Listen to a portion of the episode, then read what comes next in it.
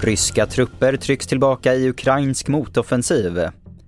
Över 30 omkomna i brand i Bangladesh och drottning Elisabeth firar 70 år på tronen i Storbritannien. Och det är rubrikerna i TV4-nyheterna som börjar med uppgifter om att ryska trupper tryckts tillbaka i en ukrainsk motoffensiv samtidigt som huvudstaden Kiev utsattes för flera luftangrepp i morse. En av missilerna sägs ha flugit farligt nära ett kärnkraftverk. Och här hör vi vår reporter Johan Fredriksson. Övervakningsbilderna från Ukrainas näst största kärnkraftverk i Mykolaiv-regionen uppges visa hur en rysk kryssningsmissil passerar kritiskt lågt ovanför anläggningen på ett sätt som beskrivs som kärnvapenterrorism. Raketen på väg mot Kiev innebär ett hot mot hela världen med risk för en ny kärnkraftskatastrof skriver Ukrainas atomenergimyndighet idag. Så till att tre människor skjutits ihjäl i ännu en skjutning i USA.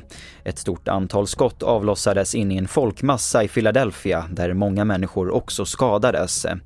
Det sägs röra sig om flera skyttar men ingen är ännu gripen och motivet är fortfarande oklart. Över 30 människor har omkommit och över 300 skadats i en brand i en containerdepå i Bangladesh.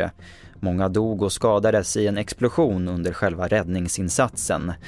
Branden ska nu vara under kontroll men brandorsaken är fortfarande oklar.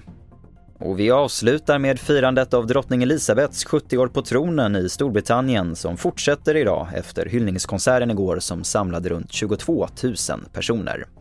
Ja, idag är det kulmen, den stora kulmen. Det är ett stort karnevalståg som ska gå genom delar av London som ska avslutas här eh, inför Buckingham Palace där Ed Sheeran ska hålla allsång och folk ska sjunga God eh, Save the Queen.